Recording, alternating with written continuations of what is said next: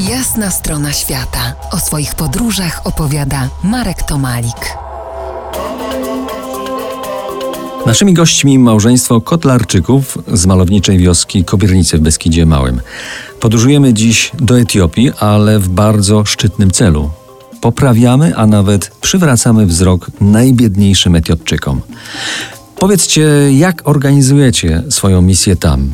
Trzeba znać język, obyczaje, posiadać sieć bardzo dobrych, przyjaznych kontaktów? Czy tak to idzie?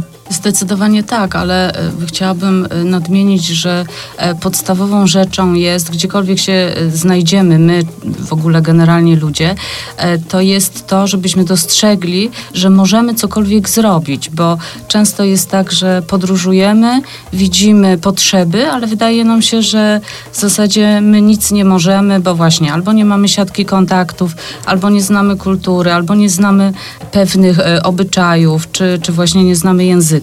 Natomiast y, my dostrzegliśmy, że po pierwsze chcemy, po drugie mamy takie możliwości. I jeżeli zdamy sobie sprawę, że są takie możliwości, to wszystkie drogi się otwierają i języki też się rozwiązują. Podstawowym językiem tam jest język angielski, tak? Bo, bo wiadomo, Etiopia jest krajem mm, wieloplemiennym, że tak powiem. Funkcjonuje ponad 80 języków, do tego dochodzą narzecza. Natomiast językiem podstawowym jest język angielski. Jeżeli znamy język angielski, jesteśmy sobie w stanie poradzić wszędzie.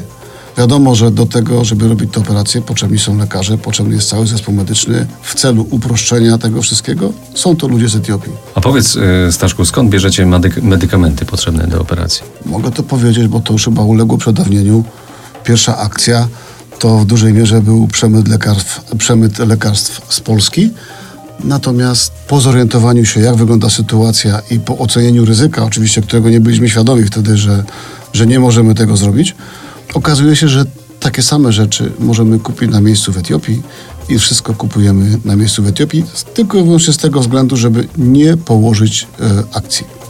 Nie jesteście lekarzami. W jaki sposób odbywa się rekrutacja personelu medycznego tam?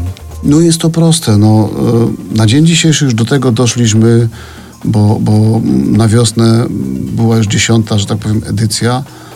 Jesteśmy tam rozpoznawani. Zrobiliśmy już 2800 operacji i zabiegów. W związku z tym też już im zależy na tym, żeby, z nami pracować. Od lekarza do lekarza, od pielęgniarki do pielęgniarki. Mówię o tamtejszych ludziach. Gdzieś tam ktoś się kimś pochwali, no i oni sami też już do nas się zgłaszają, żeby, żeby z nami pracować. To przed akcją, dwa, trzy miesiące rozsyłam zapytania, za ile z tobą możemy pracować. Tak to działa. Bożena i Staszek od 8 lat konsekwentnie pomagają, nie szukając ani nie oczekując rozgłosu. Robią to z potrzeby serca. Domyślacie się pewnie, jak wielkie emocje towarzyszą operacjom. Za kilkanaście minut spróbujemy o tym opowiedzieć. To jest Jasna strona świata w RMF Classic.